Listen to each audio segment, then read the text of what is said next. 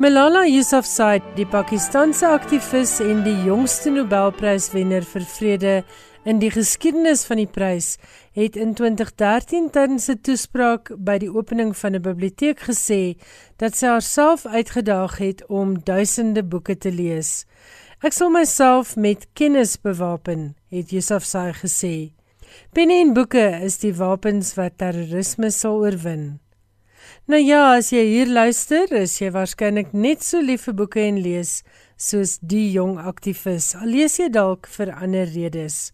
Baie welkom by nog 'n uitsending van Skrywers en Boeke. Ek is Elsje Salzveld en jy luister na ons op RSG 100 tot 104 FM. In vanaand se program kan jy luister na 'n onderhoud met Ingrid Winterbag oor haar jongste roman Voorouer Pelgrim Berg. Suzette Kotse Meiber gaan met haar daaroor gesels. Ek het ook vir jou nuus oor vanjaar se ATKV woordfeertjie finaliste en die wenners van die ATKV kinderboektoekennings en in Johan Meiburg se insetsel oor gebeure in die internasionale boekewêreld, kan jy luister na 'n uittreksel uit 'n onderhoud met die Afghaansgebore skrywer Galet Husseini. Johan het ook vir ons nuus oor 'n roman gegrond op die lewe van die Griekse skrywer Nikos Kazantzakis en 'n nuwe biografie oor die Britse digter Elizabeth Barrett Browning. Ek hoop jy geniet vanaand se skrywers en boeke. Jy luister na skrywers en boeke jou belangrikste bron oor Afrikaanse boeke. Ingrid Winterbag is 'n akademikus en skrywer van minstens 13 boeke. Agt daarvan onder haar eie naam met nog 5 onder haar skuilnaam Letty Viljoen. Van Ingrid se werk is in versamelbundels opgeneem en sy is ook die skrywer van 'n bekroonde drama met die titel Spyt. Ingrid is ook die wenner van verskeie toekenninge waaronder die Hertzogprys vir haar roman Die aanspraak van lewende wesens. Suzette Kotse Meiber gesels nou met haar oor haar jongste roman wat onlangs verskyn het. Die titel daarvan Voorouer Pelgrim Berg. En hierdie roman was vroeër vanjaar op die kortlys van 5 romans vir die Groot Afrikaanse Romanwedstryd. Dit is 'n kompetisie aangebied deur NB Uitgewers en 'n kompetisie wat Ingrid al 2 maal van tevore gewen het. Maar kom ons hoor wat sê Ingrid Winterbag alles vir Suzette Kotse Meiberg.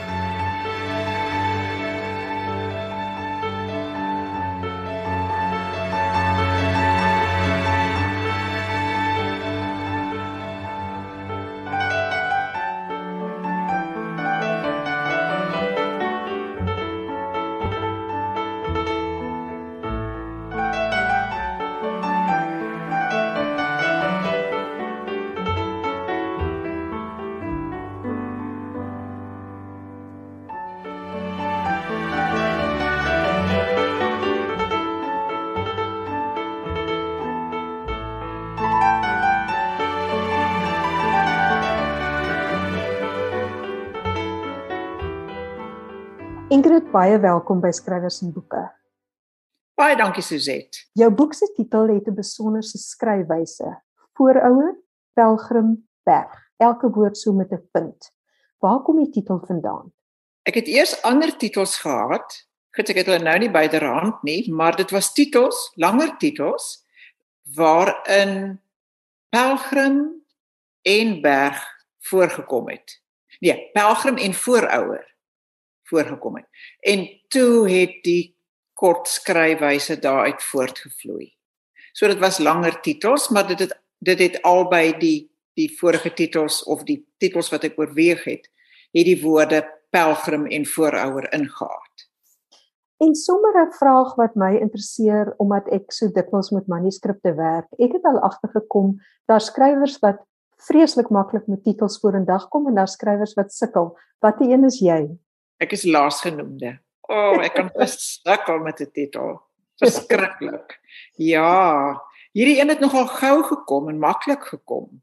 Dit was eintlik van die dit het ja, dit het nogal gou gekom terwyl ek heel dikwels wanneer die roman reeds afhandel is, nog soek vir 'n vir 'n goeie titel.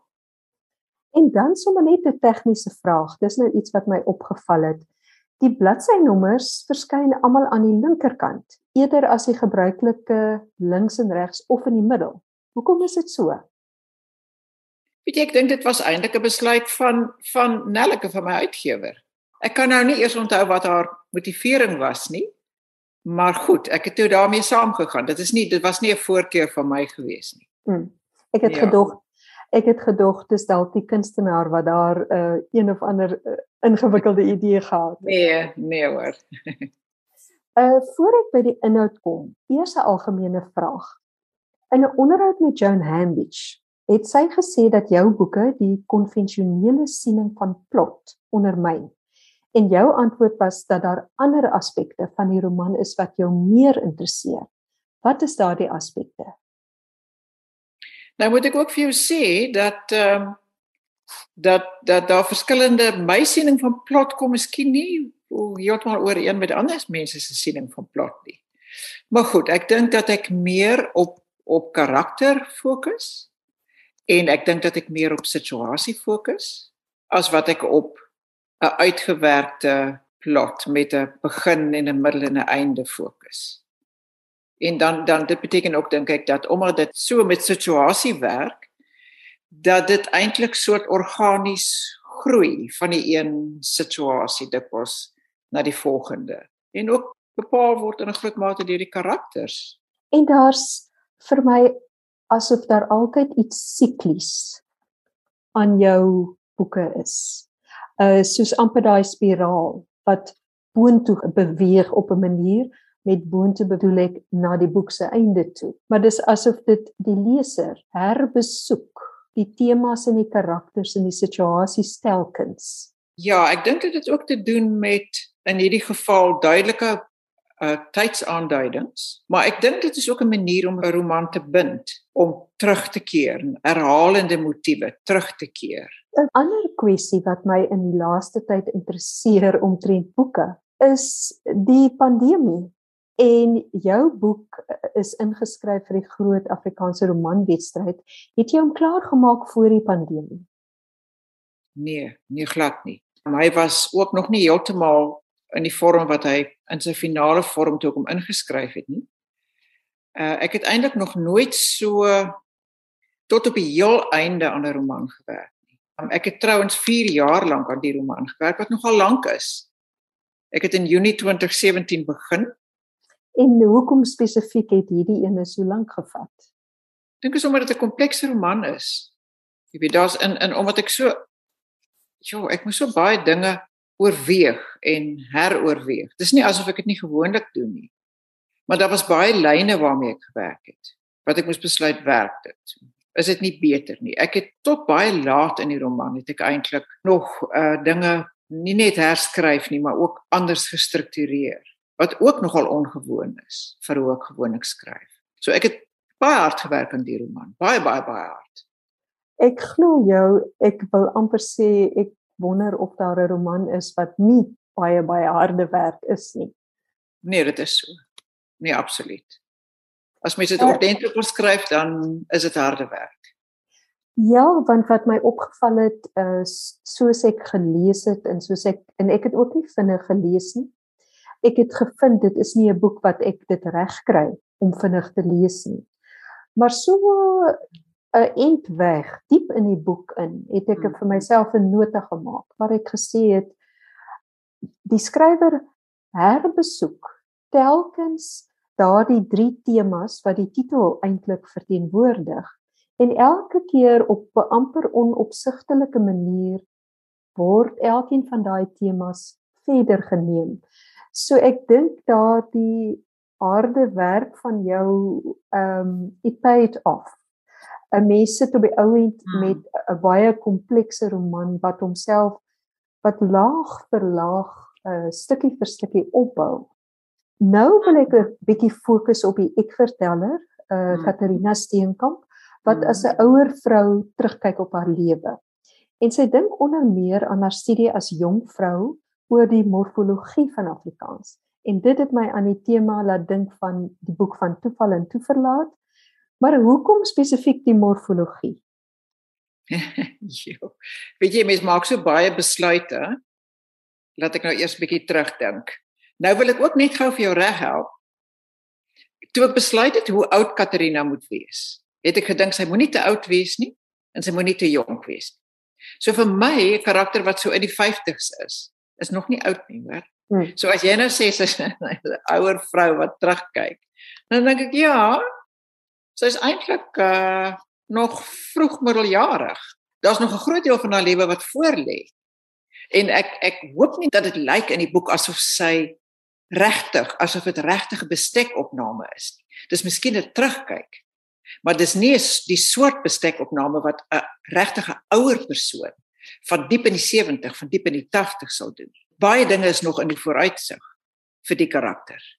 Ja, en en haar haar ouderdom word ook so aangegee as dat 'n mens weet as jy jou sommetjies maak ek is daardie tipe leser omdat ek 'n redakteur is is ek maak altyd die sommetjies. So ek was bewus van haar ouderdom uh, as 'n ja. vrou vrou van uh, so vroeg in die 50 maar die morfologie? Ja maakie Suzette nou moet ek 'n bietjie terugdink hoekom ek dit nou gedoen het. Ehm um, ek wou gehad het sy moet sy moet in die taalkunde wees. Ek wou nie gehad het sy moet in die letterkunde wees nie want dit sou haar op 'n manier te veel literatuur maak. Sy is iemand wat uiteraard kennis dra van van letterkunde want jy weet jy kan nie 'n opleiding in Afrikaans Nederlands sê maar jy sonder om kennis te neem van die letterkunde. Al al spesialiseer jy dan in taalkunde. Maar hoekom ek bes, toe besluit het die die morfologie. Miskien is dit juis omdat dit nie my belangstelling is nie. Taalkunde is nie my belangstelling morfologie is beslis nie my belangstelling nie. So ek het gedink dat ek jy weet letterkunde sou op 'n manier te maklik gewees het.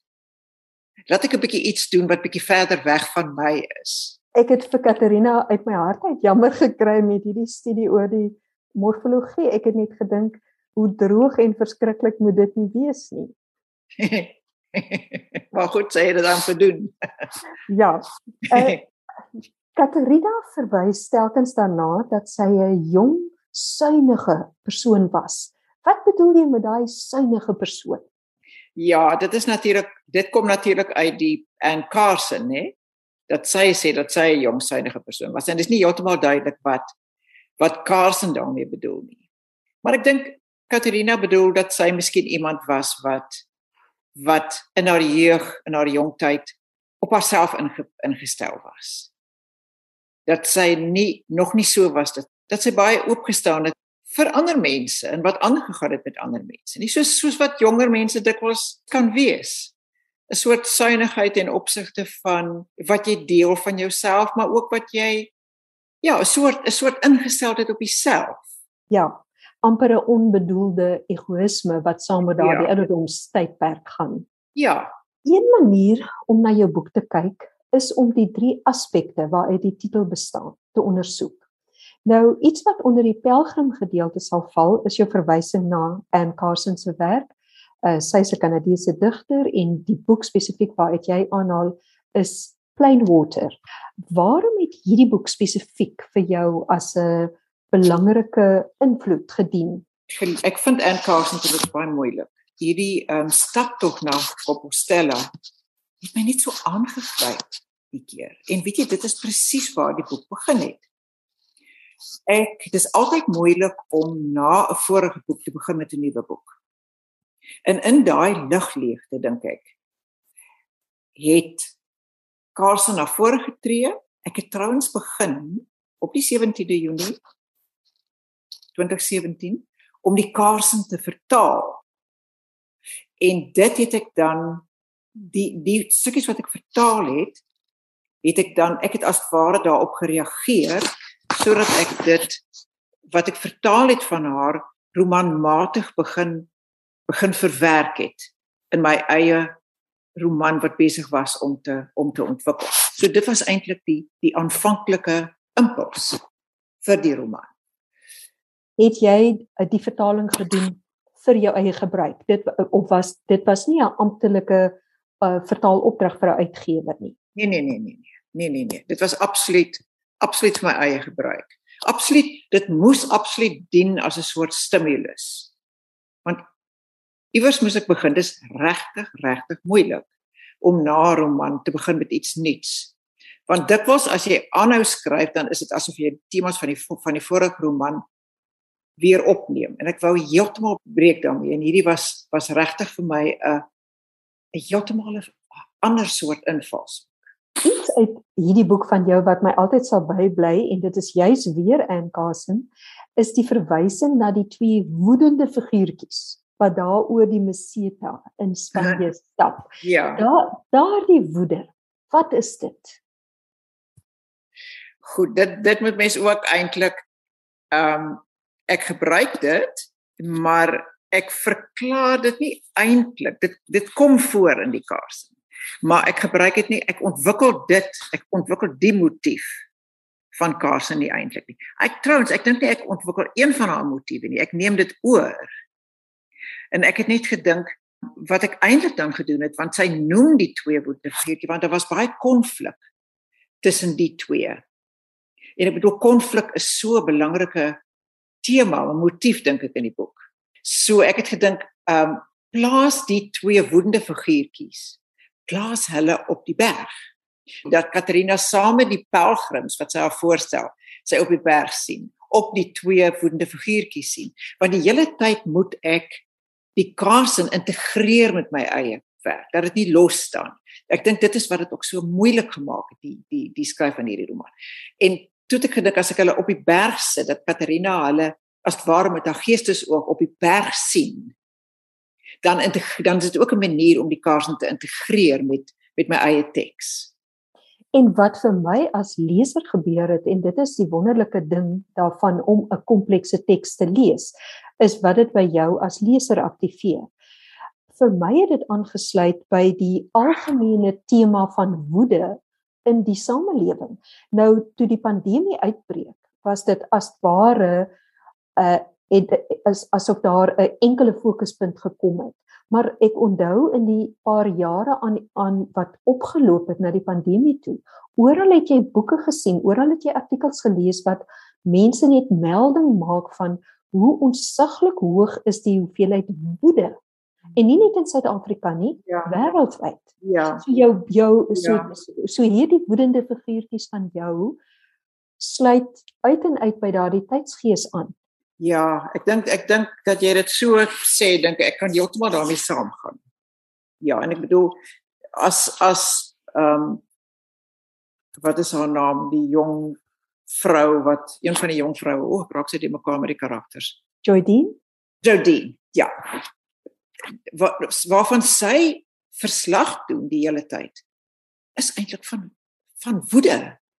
Van woede van van van moord en en verkrachting wat en en wat wat die uh, George Gito skilder is woede oorlog konflik. En wat by Jodine dan opval is saam met daardie woede is daar daardie gelatenheid wat 'n vorm van magteloosheid is.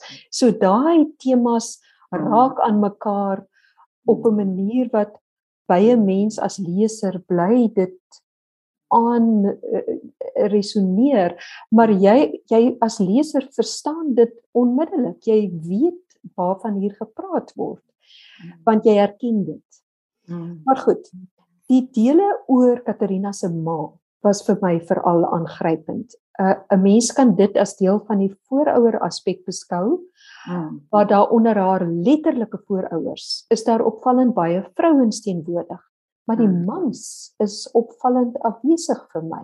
Hmm. Nee, ek wou net ek wou net vroue daar gebruik.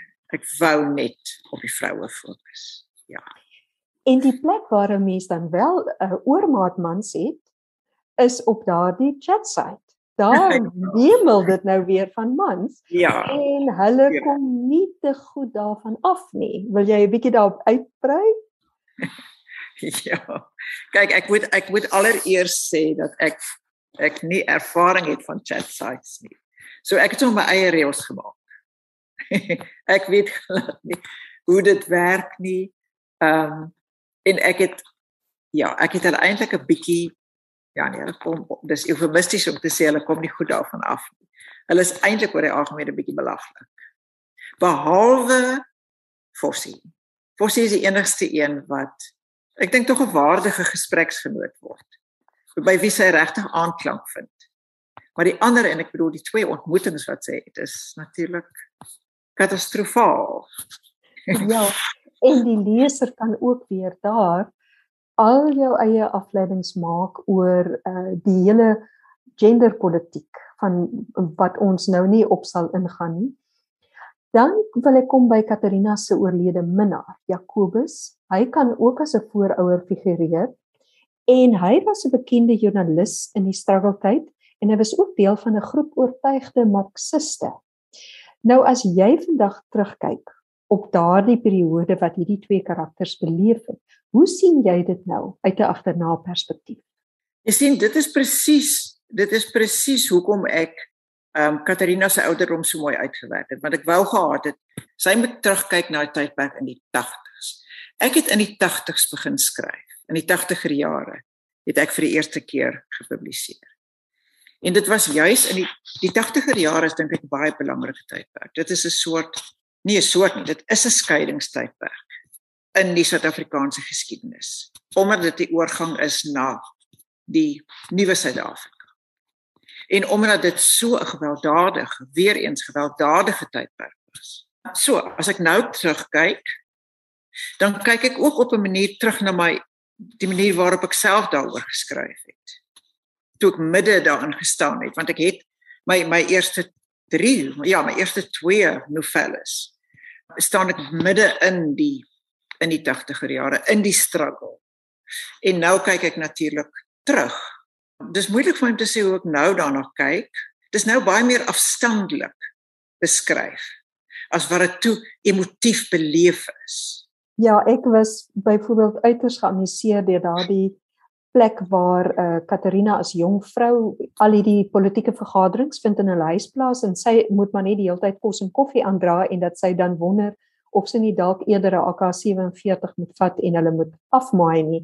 Dit het my groot plesier gegee. Ehm um, nou wil ek kom by die berggedeelte wat 'n mens dan kan verbind aan die hele ekologiese krisis wat ons uh, tans beleef. En Katarina uh, lees reg aan die begin oor die moontlikheid van 'n asteroïde wat die aarde kan tref en dan dink sy daaroor en sy dink oor hierdie eindtye. Hoe sien jy dit? Ek is natuurlik baie baie geïnteresseerd in enige vorm van apokalips. Ehm um, ek besef dat die kans dat 'n dat 'n asteroïde die aarde kan tref is maar bitter skraal. Maar die die rol die die film van van ehm um, Melancholia die speel daarin en dit daar en ek weet nie of jy dit ken nie. Ja, ek ken dit absoluut ja, maar daarin kom daai planeet op die ou en en bots met die aarde en dit het my ook ongelooflik aangegryp. So dit was een van die eindtyd scenario's wat my baie baie aangegryp het. Maar natuurlik ons het dag 0 het ons die gevaar van dag 0 het ons hier in die Wes-Kaap ervaar. En dit was toe dit was nog dit was nog terwyl ek begin skryf het was dit nog 'n wesentlike gevaar. So die die daardie een eindtyd scenario wat miskien nou nie so grootskaals en so bedreigend is nie, maar bedreigend genoeg was dit hier, het dan aanleiding gegee tot 'n soort soort refleksie op ander moontlike uitwissings scenario's soos 'n ja. asteroïde. Want daardie ehm um, uitbeelding in melancholia. Daardie eindtoneel wat uh, Katarina dan ook aan Daan haar broer beskryf en vir hom sê uh gaan kyk hierna.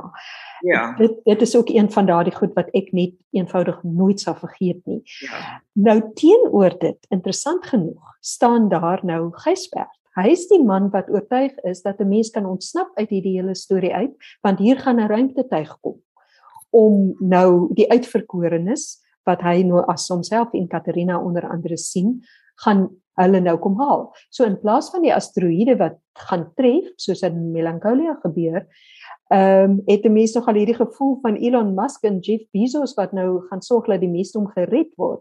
Sou jy op Mars gaan bly? Nee, nooit, nooit. Nee, nee, nee, nee. Ek hou te min van vlieg.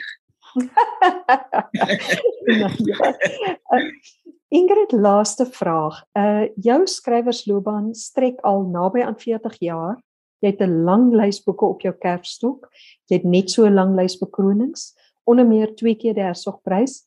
Wat is dit wat jou aan die skryf hou? Ek dink as mens verby 'n sekere punt kom, dan kan jy eintlik nie meer anders nie. Dan word dit 'n manier van leef. As ek nie besig is met 'n roman nie, ek kan my nie voorstel wat ek dan sal doen nie ek kan ek kan aan geen meer bevredigende en en frustrerende aktiwiteit dink as skryf. Dit is die moeilikste ding. Maar dis ook die die mees uitdagende en die mees bevredigende aktiwiteit wat ek kan doen. Behalwe natuurlik skilder. Maar skilder is so heeltemal 'n ander aktiwiteit. Ja. En op die ou end paradoksaal as skrywer is dit jou werk om sê dan nou maar die human condition wat eintlik onmoontlik is om onder woorde te bring, maar jy as skrywer jy lewer jou bydrae en jy kry dit reg om die human condition op jou manier onder woorde te bring en dit is natuurlik iets wat dan vir mense soos ek en vir lesers beskikbaar is. So baie dankie vir jou werk. So uh, en hou asseblief aan daarmee en Baie dankie vir die baie lekker gesprek. Baie dankie aan Suzette Kotse Meiburg wat namens skrywers en boeke met die skrywer Ingrid Winterbag gesels het. En hulle het gepraat oor haar jongste roman, Voorouer Pelgrim Berg, wat uitgegee word deur Iman en Resou. Die finaliste vir die jaarlikse ATKV woordfeertjies is verlede week aangekondig. Die ATKV bekroon jaarliks uitsonderlike prestasies rondom die Afrikaanse woord met woordfeertjie toekenninge en vanjaar lyk die kortlyste so. Vir die ATKV Prosa Prys, 'n prys wat reeds sedert 1984 jaarliks toegekend word, is die finaliste alfabeties gelys volgens hulle vanne as volg: Willem Anker met Skepsel uitgegee deur Colerie. Isa Konrad met Toekomsmens uitgegee deur Lapa Uitgewers. François Smith met Die kleinste ramp denkbaar uitgegee deur Tafelberg. Die finaliste in die prys vir beste liefdesroman is alfabeties as volg: Trisha Hugo en Annelies Viljoen met hulle roman Oor en weer uitgegee deur Lapa Uitgewers. Kanan deur Sofia Kap en dis ook uitgegee deur Lapa Uitgewers, net soos Korali deur Chanet Paul ook uitgegee deur Lapa Uitgewers. In die kategorie vir poësie is daar 3 finaliste vir die ATKV woordfeertjie en hulle is Johan de Lange met sy bundel Die meeste sterre is lankal dood. Dit is uitgegee deur Iman en Resou. Dan is daar Louis Estreisen met sy bundel Die gladde stiltes in glas wat uitgegee is deur Protea Boekhuis en Pink Ceramic hondjies deur Ryan Pedro uitgegee deur Kwela. As dit kom by die prys vir romanses, is daar 3 finaliste almal van Romanza en hulle is Rina Silje met 'n broodjie vir die liefde, Liefste rooikop deur Elise Davies en Toesoen jy my deur Elsa Winkler. Die finaliste in die kategorie spanningslektuur vir die ATKV woordfeertjies is Chris Karsten met sy roman Die versoeking van Thomas Maas, uitgegee deur Iman en Resou. Dion Meyer met Donkerdrif, ook uitgegee deur Iman en Resou, en Deborah Steinmeier met As jy van moord droom, uitgegee deur Lapa. As dit kom by die prys vir beste dramateks, is die drie finaliste Pieter Odendaal met Droomwerk, Rihanna Skeepers met Bentang en Gerard Visagie met Mannetjie. As dit kom by die beste nuwe-fiksie wat in 2020 gepubliseer is, is die drie finaliste op die ATKV woordfeertjie lys as volg: Stefanus Miller en Stefanie Vos met hulle boek Sulke vriende is skaars. Die briewe van Arnold van Wyk en Anton Hartmann 1949 tot 1981 en hierdie boek is uitgegee deur Protea Boekhuis. Alexander Straggen is ook op die lys met sy boek Een rekkie agter verhandelike linies. Die laaste boek op die lys vir beste nuwe fiksie is Reise met Skuman in die voetspore van die skrywer deur Ria Winters en uitgegee deur Protea Boekhuis. Baie geluk aan al die finaliste. Dit is die finaliste vir die ATKV woordfeertjies en die wenners word vanaf 14 tot 17 September op die ATKV se Facebook bladsy bekend gemaak. Ons bly by eerbewyse vir Afrikaanse skrywers en hierdie keer spesifiek kinderboekskrywers. En baie dankie aan die ATKV wat elke jaar die gewildste Afrikaanse kinderboeke wat gedurende die voorafgaande kalenderjaar verskyn het, bekroon met ATKV kinderboektoekennings.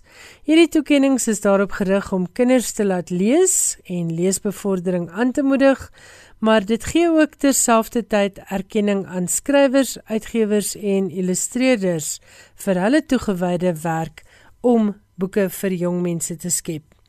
Iets wat hierdie toekenning so besonder maak, is die feit dat jong lesers self as beoordelaars optree. En kom ons hoor wat is die boeke wat vanjaar gekies is as wenners van ATKV kinderboektoekennings. In die voorleeskategorie, dit is nou vir graad RR en graad 1, is die wenner Moenie die melk vergeet nie deur Jaco Jacobs, uitgegee deur Pan Macmillan Suid-Afrika. Linkie Brandt is die illustreerder wat wen met haar illustrasies in Magriet die stadshoender uitgegee deur Lapa. In die selfleeskategorie vir graad 2 en graad 3 is die skrywer wat wen Andre Trantraal met sy boek Keegan en Samir die sokkerfiasko uitgegee deur Lapa. Die wen illustreerder is Tumi Kastein met haar illustrasies vir Minkie in die middel uitgegee deur Pan Macmillan. In die selfleeskategorie vir graad 4 en graad 5 is die wenner Oupa Zombie geskryf deur Jaco Jacobs en geïllustreer deur Theodore Key en die boek word uitgegee deur Pan Macmillan Suid-Afrika. In die selfleeskategorie vir graad 6 en graad 7 is die wenner De Wet Hugo en hy wen dit vir Grolgrypers nommer 6 Die geheim van die spookwerf uitgegee deur Iman en Resou. En dan die laaste wenner van die ATKV kinderboektoekennings en dit gaan aan Fanny Viljoen in die selfleeskategorie graad 8 tot graad 10. Hy wen vir Offers vir die vlee wat uitgegee word deur Lapa. Baie geluk aan al hierdie wenners van die ATKV kinderboektoekennings en van skrywers en boeke se kant af. Baie dankie aan elkeen van hierdie skrywers en ook aan die illustreerders en uitgewers vir die harde werk om kinders en jong mense aan die lees te kry. Want dit is die een besliste manier om te sorg dat ons taal en ook die Afrikaanse boekbedryf sal bly voortbestaan. Baie dankie. Nou is dit tyd vir Johan Meiburg se insetsel oor die internasionale boekewêreld en soos ek beloof het, kan jy onder andere luister na 'n gedeelte uit 'n toespraak deur die bekende skrywer Galet Hosseini en hy gaan 'n bietjie meer gesels oor sy grootwordjare in Afghanistan. En met Afghanistan wat die laaste paar dae konstant in die nuus is, gee Hosseini ook so 'n bietjie meer insig oor die huidige krisis in Afghanistan en die implikasies van beheer deur die Taliban. Baie interessante insetsel Johan Meiburg, baie dankie hiervoor en die mikrofoon is joune. Die Afghans-Amerikaanse skrywer Khaled Hosseini het in 2003 lesers se verbeelding aangegryp met sy roman The Kite Runner. In die boek vertel hy die verhaal van Amir, 'n jong seun van die Wazir Abarkan buurt in Kabul, teen die agtergrond van die Sowjet-inval in 1979 in Afghanistan. Die inval het gelei tot vlugtelinge wat hulle in Pakistan en die FSA gaan vestig het en die opkoms van die Taliban. Husseini is in Kabul gebore, maar is in 1980 saam met sy ouers na die FSA waar hy sedertdien woon. In reaksie op die onlangse gebeure in sy vaderland het die 56-jarige Husseini in 'n onderhoud met BBC Radio gesê die Afghane het genoeg rede om die Taliban te vrees. Ek glo nie die Taliban is verteenwoordigend van die strewe van die Afghane nie, het hy gesê. Ek dink die burgers van Afghanistan kom nou te staan voor die aaklige werklikheid dat hulle moet buig voor 'n regime wat uiters brutaal was toe hulle aan bewind was in die 1990s. Husseini bedryf 'n humanitêre stigting wat hulp aan mense in Afghanistan verleen. Op die stigting se webwerf meld hy dat hy diep besorg is oor sy vaderland en dat hy 'n humanitêre krisis vrees. Hy het 'n beroep op die FSA en die internasionale gemeenskap gedoen om druk te plaas op die Taliban om respek te hê vir menseregte, veral die van meisies en vroue. Husseini is ook 'n ambassadeur van die VN se Hoë Kommissariaat vir Vlugtelinge. In 2007 het Husseini se tweede roman, A Thousand Splendid Suns, ook geplaas in Afghanistan, verskyn.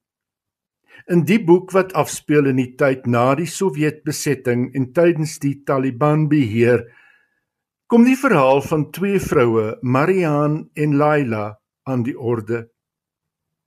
Husseini se jongste boek, And the Mountains Echoed, het in 2013 verskyn en was soos die vorige twee ook 'n topverkoper. In die eerste 5 maande na publikasie is meer as 3 miljoen eksemplare van die hand gesit.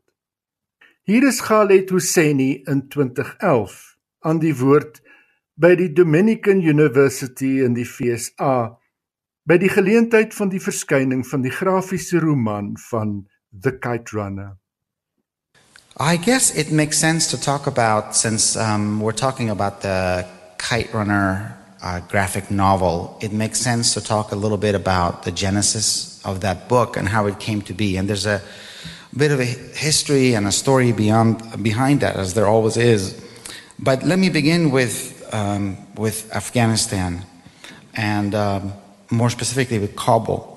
Um, because I, I'm pretty sure that when I say that word, the set of images that that word conjures um, in your mind uh, is probably um, one of a place of instability, um, of terrorism, suicide bombings, IEDs, the Taliban, the narcotic trade. Um, there has been a, a, nasty gunfight yesterday at the U.S. Embassy in Kabul, so this is the kind of thing that we hear about all the time. And if that's understandable, I get that. The truth is, it, it really wasn't always like that. And there was a time when Afghanistan was actually a really nice place to live. Um, it seems quite odd to hear that now, but it, it's actually the truth. And Afghanistan was at peace throughout virtually the entire 20th century. Um, and, and one of the things that, that people, when they say Afghanistan, it's it's the graveyard of empires. It's where, you know, there's it's a country of warriors and and, and tribal warfare and so on. And that that one kind of always kind of chaps my hide a little bit, because the truth is that um, Afghanistan actually was a very very peaceful country within itself, um, with its neighbors, and was minding his own business, living in peaceful anonymity, while it was really those who, who accuse Afghanistan of being a, a nation of warriors that were engaging in one war after another and millions of people dying in world wars and in civil wars throughout um, um, Europe and so on. And so Afghanistan was, was, was at peace for, for um, many, many years. And it really wasn't until the Soviet invasion forced the Afghan hand into war that the cycles of war that we're still witnessing today began. But I actually was very lucky to live there through the latter era of that of those peaceful years. Um, I was born in Kabul in '65 and lived there until 1976. I have terrific and excellent memories of, of Kabul as a city, of movie theaters and beautiful shops and bazaars and parks and schools and universities where women taught, including my aunt, who was a um, professor of uh, po- poetry and Farsi literature at the university. My mom, who was a vice principal of a large high school. Um, people drank alcohol in their homes. They went to movies. There was cabarets and there were nightclubs and bars. Um, and so it was a vastly different place uh, than one would imagine now. Um, uh, my father was a diplomat at the foreign ministry, and he was he's, he studied at the Kabul University, and my mother had as well. And we had a very good life. And in fact, the um, it's fair to say that the life that the boy Amir and the kite runner had in Kabul is very similar to my own upbringing. I lived in that neighborhood in Wazir Akbar Khan, which was sort of an affluent neighborhood. Like this boy in the novel, I, um, you know, grew up in a kind of a semi-Western lifestyle where there was alcohol around the house and parties and music. Um, and, um, you know, I love to write stories since I was a child. In fact, that's one of the things that we have the most in common, my character and I, in that I had a lifelong dream of writing, of be, being a writer. When I was a boy living in that, my father's house in Kabul, I used to write short stories, I used to write plays, short plays, and then we would have guests as, as we always did. And then I would make my cousins and my brother and my sister act in them. Uh, and so I, I had a deep love for the creative process of creating stories from a very young age. Um, and life was going along quite pleasantly. Um, and then when my father uh, came home one day and, and, and brought news that he'd been assigned a post at the Afghan embassy in Paris, um, this was enormously exciting news, obviously. And it was going to be for four years. So we were going to go to Paris for four years. And then when, the, when the, his assignment was over in 1980, we would come back to Kabul. So we packed virtually nothing, um, just some clothes in a suitcase. And uh, we boarded a plane to go from Kabul to Paris. And that was in October of 1976.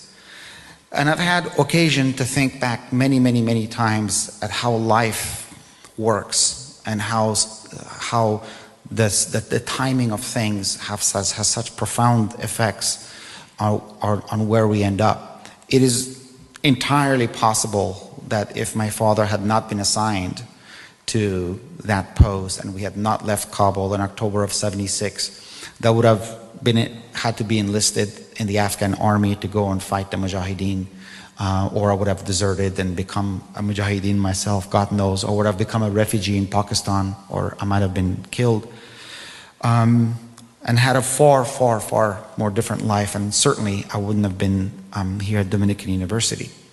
Um, this was because about um, less than two years after we moved to Paris, uh, we received news um, through the, through the television that there had been a coup d'etat in, in Kabul and that the Afghan president had in fact been murdered um, along with some 20 members of his family had been slaughtered, really is the more proper word, at the presidential palace.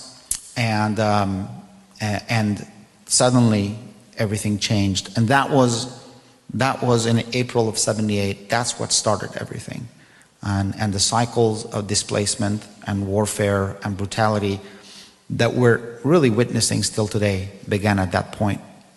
Dit was die stem van die Afgaansgebore topverkoperskrywer Khaled Hosseini. Dit was die 1952 vertaling van Nikos Kazantzakis se debuut Zorba the Greek, die roman wat in 1946 verskyn het, waarmee die Griekse skrywer wêreldwyd bekend geword het en ook die begin was van 'n loopbaan waarmee hy hom sou vestig as 'n reus in die moderne Griekse letterkunde.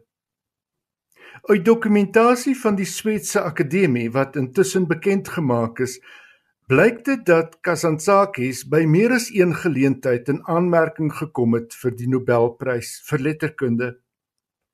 By een van die geleenthede in 1957 het Albert Camus een stem meer as Kazantzakis gekry en met die Nobel laureate weggeloop. Agterna het Camus gesê Kazantzakis verdien die eer 'n 100 maal meer as hy self.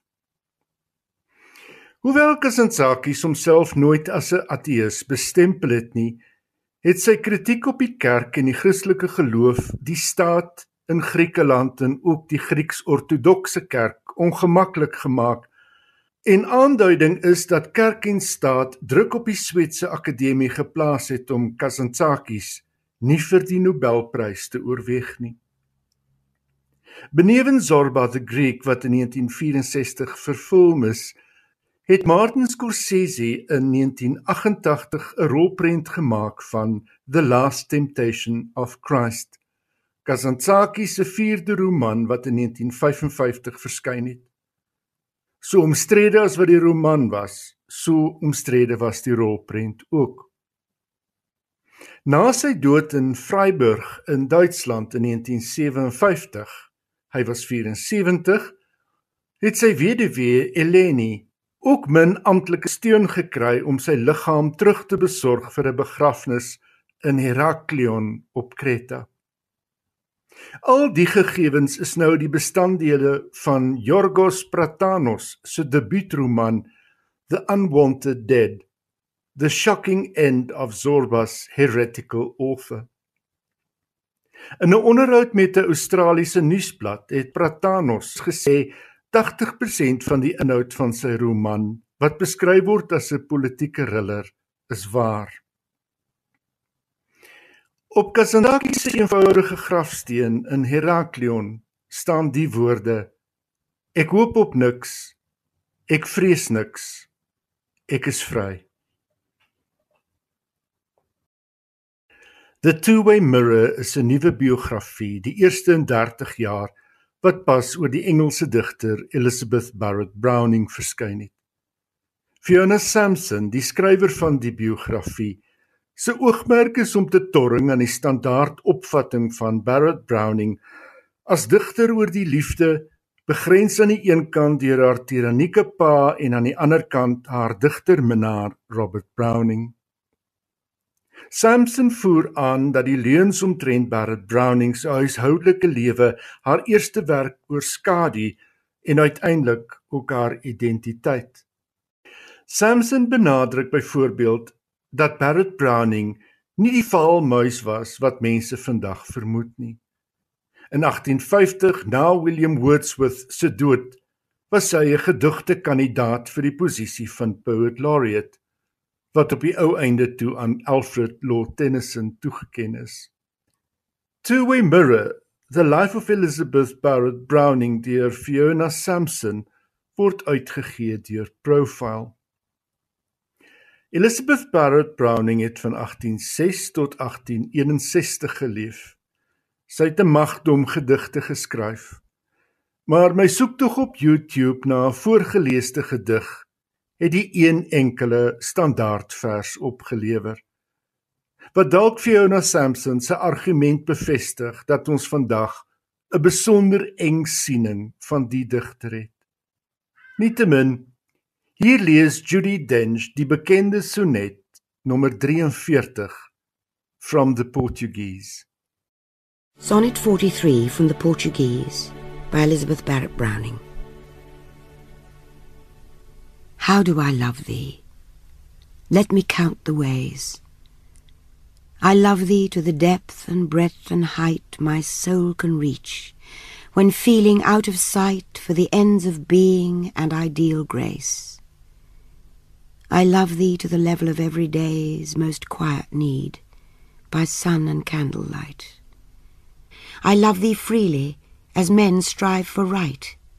I love thee purely, as they turn from praise. I love thee with a passion put to use in my old griefs and with my childhood's faith. I love thee with a love I seem to lose with my lost saints. I love thee with the breath, smiles, tears of all my life. And if God choose, I shall but love thee better after death. Daardie baie herkenbare stem behoort aan Dame Judy Dench en natuurlik het jy ook die gedig herken En vir ingeval jy wonder wat die titel is, dit is Sonnet nommer 43 From the Portuguese en dit is geskryf deur Elizabeth Barrett Browning.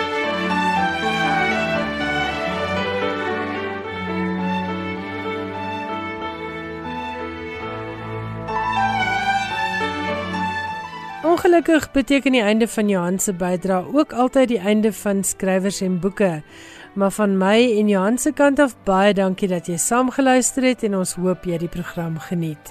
Volgende Woensdag aand maak ons hopelik weer so en dan is ons albei terug met nog nuus uit die wêreld van skrywers en boeke.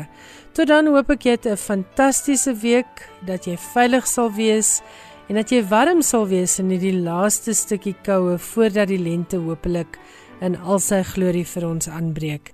En natuurlik, soos altyd, hoop ek jy het 'n stapel wonderlike boeke om jou besig te hou tot volgende Woensdag aand om 8uur. En onthou, RSG is hier 24 uur per dag om jou te vermaak en geselskap te hou. So bly gerus ingeskakel.